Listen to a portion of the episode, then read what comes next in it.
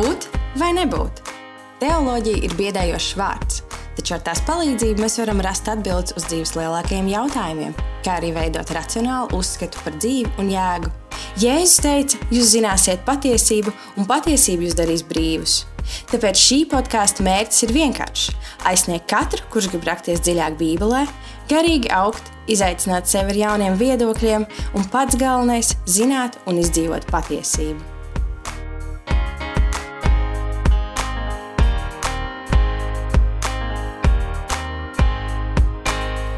Esiet sveicināti Racionāls viedoklis podkāstā, kurš runā par visāda veida kristīgās teoloģijas tēmām. Esmu atpakaļ ar jaunu epizodi. Šoreiz mēs ieslīgsim psalmos.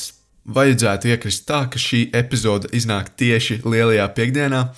Esmu izlēmis, ka piekdienās, tātad katru otro piekdienu izlaidīšu jaunu epizodi.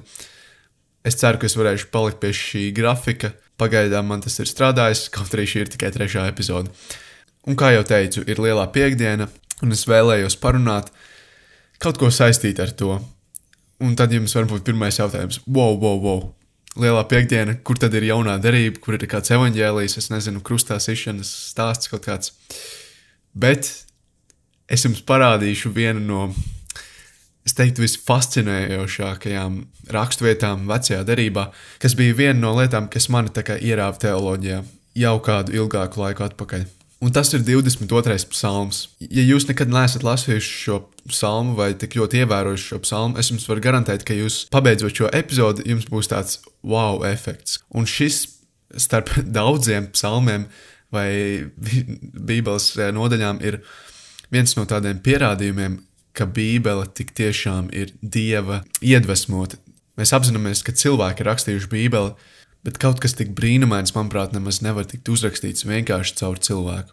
Un patiesībā e, to faktu, ka pats Dievs ir iedvesmojis Dāvida rakstus, Dāvida psalmus, e, apliecina pats Dāvids. 2. samuēlā 23. nodaļā, pašā sākumā, kad Dāvids saka savus pēdējos vārdus uz savas nāves gultas, un viņš saka, ka tā kunga gars runā ar manu muti, un viņa vārds ir uz manas mēles.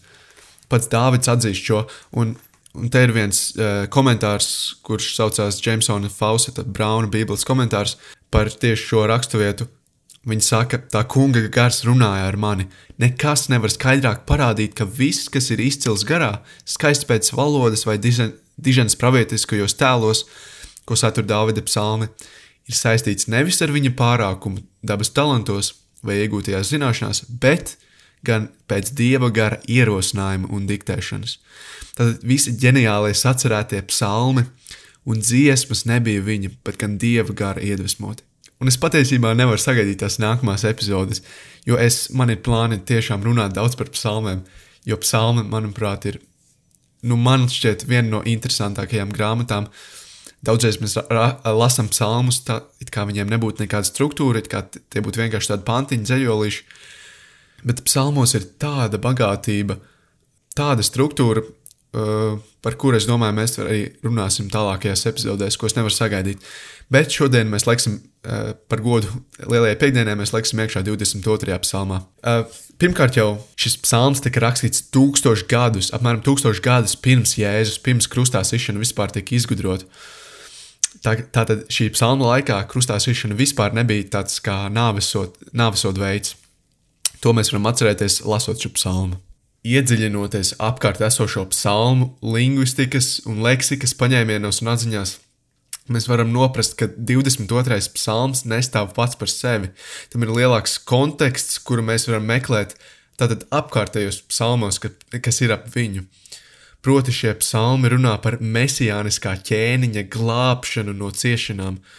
Un šīs intratekstuālās valodas saites, šī valoda mums atklāja tādu tādu caurējošo pamata motīvu, kas iet cauri visiem psalmiem. Pats psaltērijas pirmie divi psalmi, par kuriem mēs šodien nerunāsim, bet tie iesākās ar tā kunga svaidīto ķēniņu. Ja jūs palasat, tad otrais psalms iesākās ar to, kā zemes ķēniņi sacēļas un apvienojas pret to kungu un viņa svaidīto. Un šis svaidītais, tātad ebreju oriģinālajā valodā, ir mešiah. Tad pats šī psaltera visu psalmu sākums ir kā zemes ķēniņi apvienojas un saceļās pret to kungu un viņa mesiju. Un, ja mēs skatāmies uz šiem psalmiem, nevis kā uz tādiem pantiņiem, bet vairāk kā uz tādu varbūt simfoniju, kad parādās tādi motīvi un viņi tiek pacelti vairākas reizes un nobeigti citās vietās, tad vēlāk atkal paceļās šis konflikts, kuru piedāvāja šis otrais psalms, un viņš sākās ar to, kā zemes ķēniņi apvienojās, veidos sazvērestību pret šo kungu un viņa svaidīto mesiju. Tad paturpinot par šām intratekstuālajām saitēm starp eh, vairākiem psalmiem, kas ir apkārt 22. psalmam, varam ieraudzīt, ka tā nepavisam nav nejaušība, ka 20. psalma otrā puse un 21. psalma pirmā puse atkārto to pašu ebreju valodas sakni vārdiem glābšana, jeb glābt, un ķēniņš vai svaidītais. Tātad, ja es vairākos vārdos pieminu vārdu glābšana, jums atceros, ka viņiem ir viens, viena un tā pati tātad sakna vārdiem. Tāpat arī ar vārdiem ķēniņš un svaidītais. 20. psalma 6. pantā ir rakstīts, tad mēs priecāsimies par tavu glābšanu, atbrīvošanu. Tad viena panta uz priekšu ir, tad es zinu, ka tas kungs izglābs savu svaidīto ķēniņu. Tad tālāk, desmitais pāns, ak, kungs palīdzi ķēniņam, atkal šī psalma motīvs tātad vijās apkārt šī kunga eh, ķēniņam, izredzētajam mesijam, svaidītajam. Tad 20. psalma pēdējie vārdi ir: Ak, kungs, palīdzi ķēniņam, un 21. psalma pirmie vārdi ir: ķēniņš priecāsies par tavu glābšanu.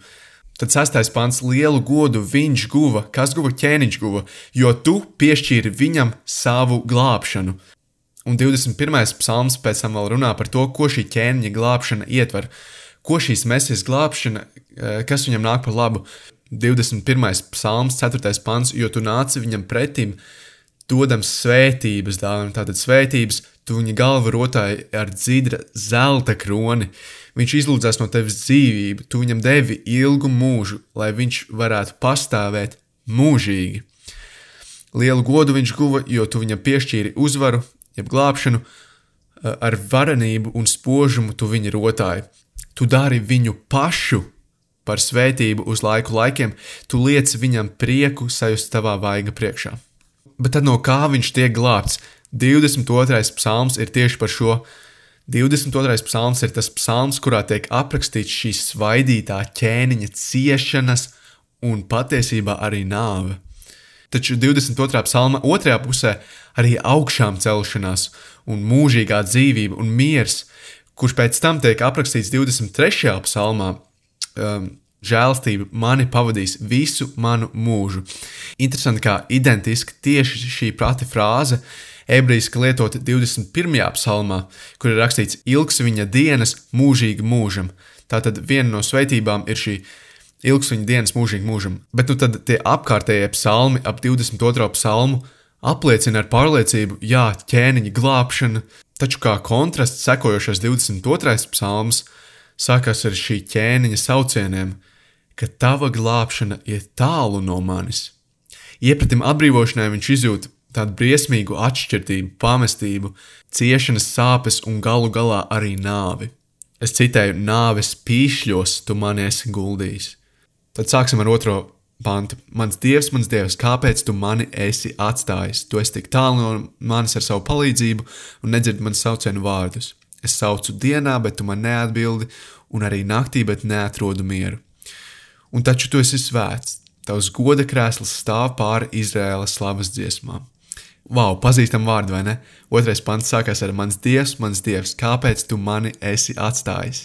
ja tu esi lasījis evanģēlijas, ja tu esi lasījis krustāsīšanas notikumu uh, Matei 27, 46 vai Marka 15, 34, ir rakstīts, bet ap 9 stundu Jēzus sauca stiprā balsī: Eli, Eli, Lama, Zavaktāni.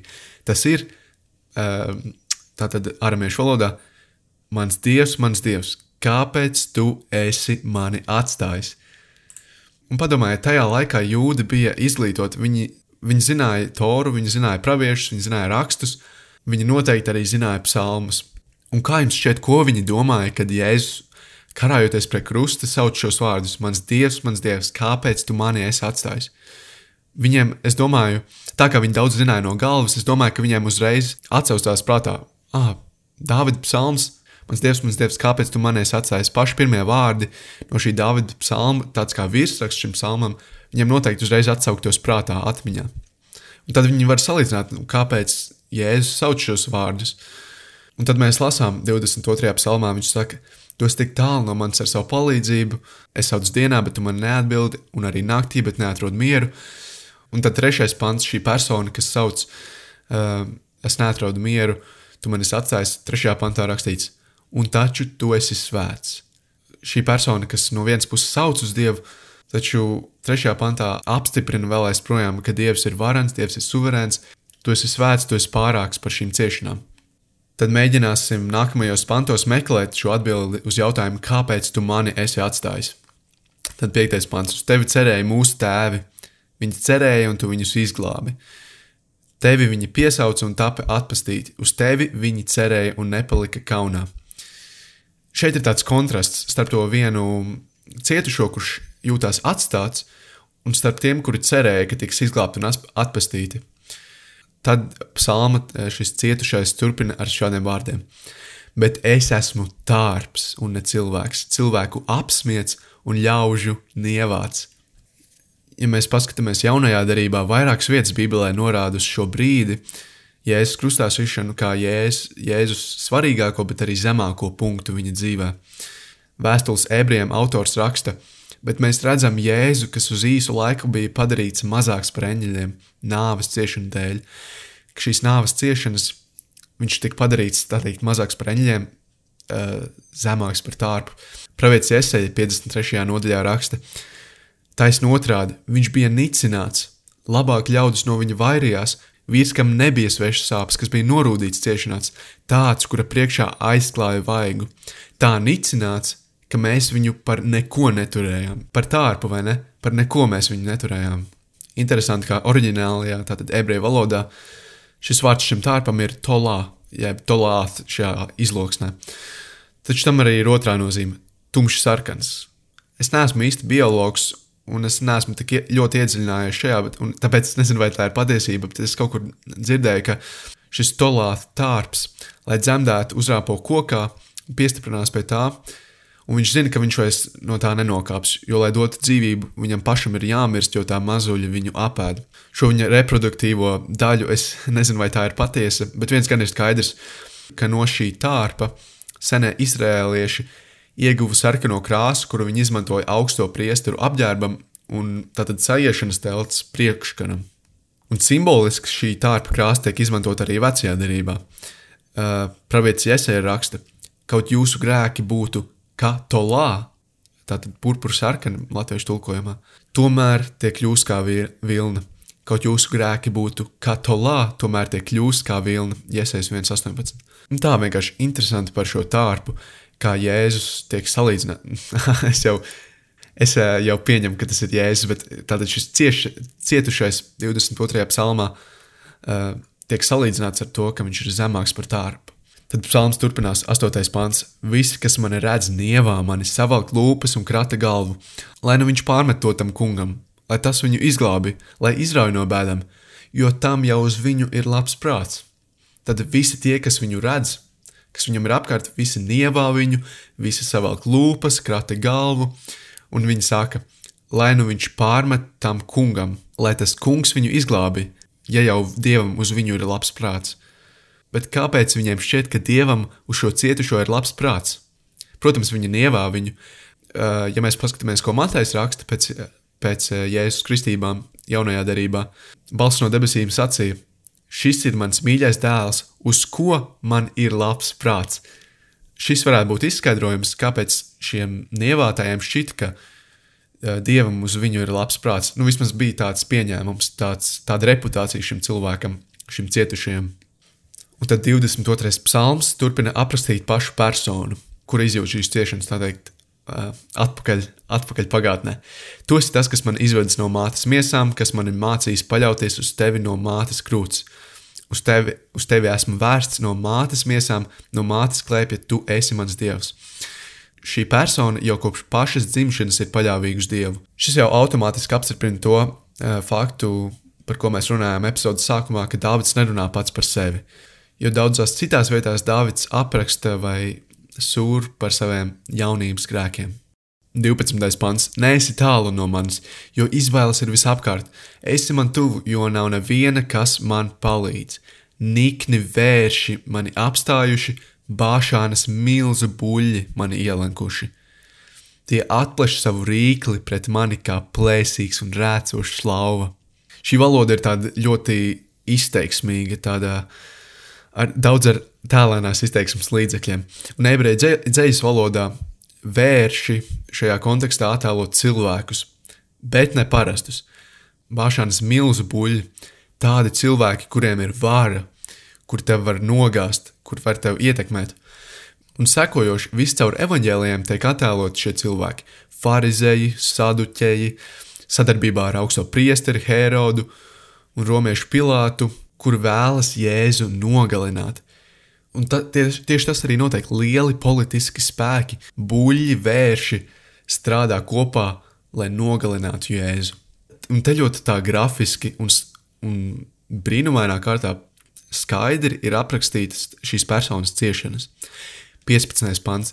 Es esmu kā izliets ūdens, izmežģīti man visi kauli, mana sirds manās miesās ir kā izkusis vasks, manas smaganas izkaltušas kā māla trauks, mana mēle līp pie manām augstlējām, nāves pīšos, tu mani esi guldījis. Ja jūs atceraties iepriekšējo epizodu, es jau pieminēju šo izlietu kā ūdens.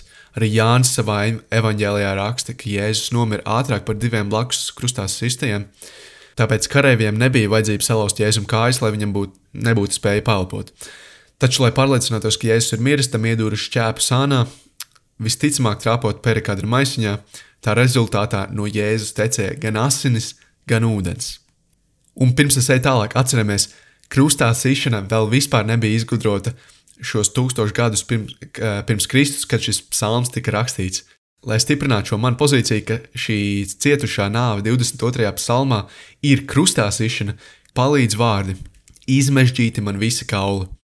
Īstenībā krustā sišanas nāves sodam ir tikusi veikta diezgan liela izpēta no medicīniskā viedokļa. Un tā atbalsta ideja, ka karājoties pie krusta, ka tavu pleci ir fiziski izmežģīti. Un tas ir tā ļoti grafiski, bet tu turies uh, vienkārši uz savām rokām, tā burtiski, ka tev pleci ir vienkārši izmežģīti. Paturpinot par to medicīnisko pusi, ir diezgan populārs viedoklis, ka arī Kristus nomira no sirdskaites, kas saskanētu ar vārdiem: Mana sirds manās miesās ir kā izkusis vasks.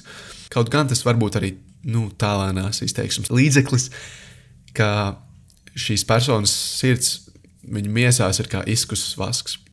Varam iedomāties to sajūtu, ka mana mēlē līp pie manām augslējām.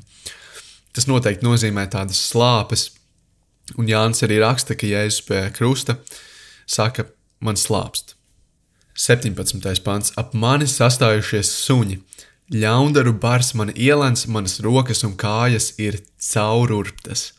Es varu saskaitīt visus savus kaulus, bet viņi lūkojās manī ar prieku.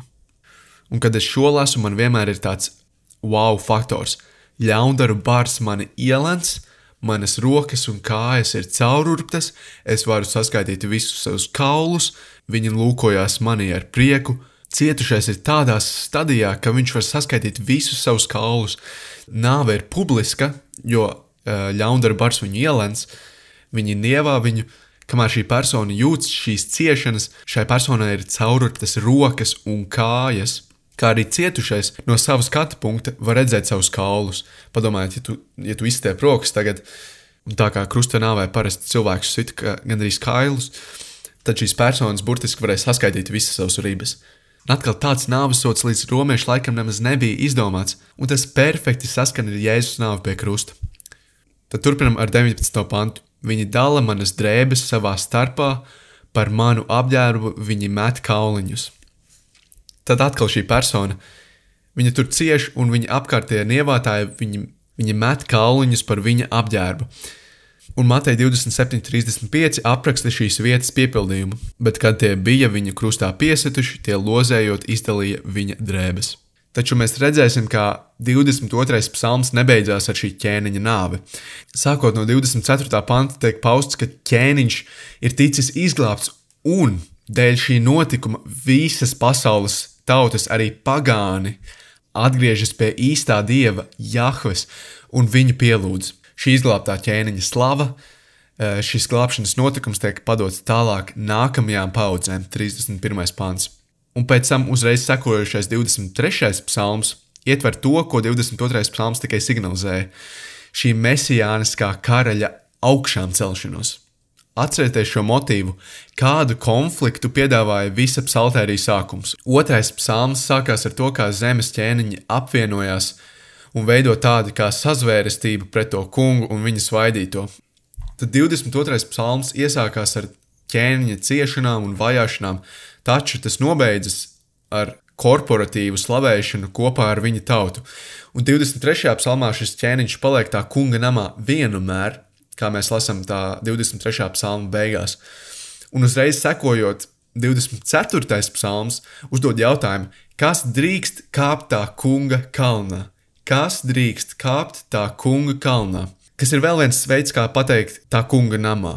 Un 24. psalms apraksta morālo perfektumu, kāds ir nepieciešams, lai tajā uzturētos. Un, protams, kā jau 23. psalms apstiprināja, ka šis ķēniņš, šis ķēniņš ir tas taisnais un nevainīgais. Viņa gājums uh, ir morāli perfekts. Viņa gājums ir morāli perfekts. Viņš vienmēr ir uzticīgs Dievam. Bet par to mēs runāsim citā epizodē. Bet es tikai parādu to, ka 22. psalmā ir parādīta šī ķēniņa nāve un augšām celšanās. Šī, šī persona sauc: Nē, esi tik tālu, kungs, tu mans spēks, steidzies palīgā, izglāb manu dvēseli no zoba, manu dzīvību no suņu varas. Pestī mani no lauvas, rīklas un mežonīgo vēršu ragiem. Tad es paudīšu tev vārdu saviem brāļiem, draudzes vidū, es tevi slavēšu. Šī persona sauc uz Dievu izglābi, un pēkšņi 24. pants. Slavējiet to kungu visi, kas viņu bīstas, jēkaba dzimums, lai viņam dod godu, lai viņu bīstas viss Izra Izraēla nams, tad tā doksoloģija dievam, jo viņš nav nicinājis un nav turējis ne par ko sērdiņa postu nav apslēpis no tā savu vaigu, bet ir paklausījis, kad tas sauca. Tātad notiek liels pagrieziens. Cietušā sauciena ir paklausīti, bet tagad parādās divas iespējas. Vai nu cietušais ir izglābies pirms nāves, vai pēc nāves. Manuprāt, ir neapšaubāmi, ka cietušais nomira. Arī jaunajā derībā, protams, mēs apzināmies, ka Jēzus nomira pie krusta. Šīs, šī ievainojuma bija, bija tik liela, ka viņš vienkārši fiziski nevarēja palikt dzīves. Yeah. Bet tad jautājums, nu, viņš izglāba, bet kā tad viņš izglāba? Un šajā lieldienu notikumā mēs zinām, ka trešajā dienā Jēzus tika uzmodināts no miroņiem. Viņš tika tādā veidā izglābts. Un tas varbūt sākumā var likties tā kā, nu, ok, kāda jēga bija tām, tām ciešanām. Un tad 28. pantā rakstīts, turpināt, turpinot psalmu, lai to kungu piemin un pie viņa atgriežas visas zemes malas, Tautu tautas, lai zemojas viņa priekšā un viņu pielūdz. Un te ir tā notikuma rezultāti. Pie viņa atgriežas visas zemes malas, tautu tautas pielūdz, zemojas viņa priekšā. Šis psalms saka, ka pēc šī, pēc šī notikuma visas zemes malas, visi arī pagāni, ne tikai jūdi, atgriezīsies pie Izraēla dieva. Pravietojums ir piepildīts, ka caur Izraēlu tiks svētītas pārējās tautas. Un kas ir šis notikums, kas pagrūda šo globālo ietekmi. Tā ir augšām celšanās. Pēc augšām celšanās kristietība uzreiz sāka izplatīties līdz pat pasaules malām, aizsniedzot arī pagānus. 29. pants, jo tam kungam pieder valstība, viņš ir valdnieks pār tautām. Arī tie, lai zemojas viņa priekšā, kas dus zemes klēpī, lai viņi pielūdz visi, kam, kas kļuvuši par pīšiem. Šeit arī parādās pēcnāvas dzīve. Šī notikuma rezultātā arī tie, kas nevarēja uzturēt savu dzīvību, Visi, kas guļ šajos pīšļos, klanīsies viņu priekšā, lai par to kungu stāsta nākamajām paudzēm un par viņa taisnību, ko viņš darījis, lai sludina radu radiem. Dēļ šī notikuma tas, tā kunga vārds tiks stāstīts nākamajām paudzēm un nākamajām, pa visu pasauli viņš izplatīsies. 32. pants. Viņi nāks un sludinās viņa taisnību tiem ļaudīm, kas vēl dzims, ka viņš to ir darījis. Ko viņš ir darījis? Viņš ir izglābis šo personu no viņa ciešanām. Viņš ir uzmodinājis Jēzu no mirušajiem. Kopsavilkums. Tūkstoši gadus pirms Kristus tika aprakstīta ļoti detalizēti šīs personas ciešanas, krustā sišanas briesmas, bet pēc tam šī persona tiek izglābta, tiek atbildēts viņa lūgšanas, un no šī notikuma visas pasaules malas, visas tautas līdz pat mūsdienām, tā, tā kā reāli līdz mūsdienām, visi zina, visa pasaule zina Izraēla dievu vārdu. Visi zina, ka Jēzus ir kungs. Kas ir šis mesijāniskais ķēniņš?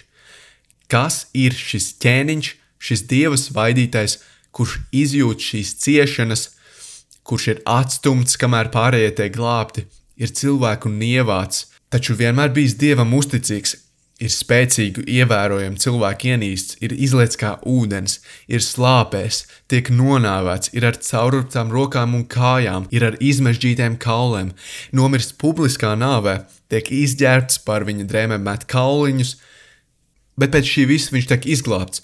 Šis stāsts tiek stāstīts visiem, arī pagāni sāk pielūgt Izraēlu dievu, šis notikums ietekmē arī tālākās paudzes, izmaina visu pasauli. Kas ir šis mesijāniskais ķēniņš. Ja mēs nopietni ņemam vērā visus šos faktorus, tad paliek skaidrs, ka vienīgais, kas var piepildīt šo pravietojumu, ir Jēzus Kristus. Ja tev ir kādi jautājumi, ierosinājumi vai racionāli viedokļi, droši raksti tos uz racionāls viedoklis at gmail.com.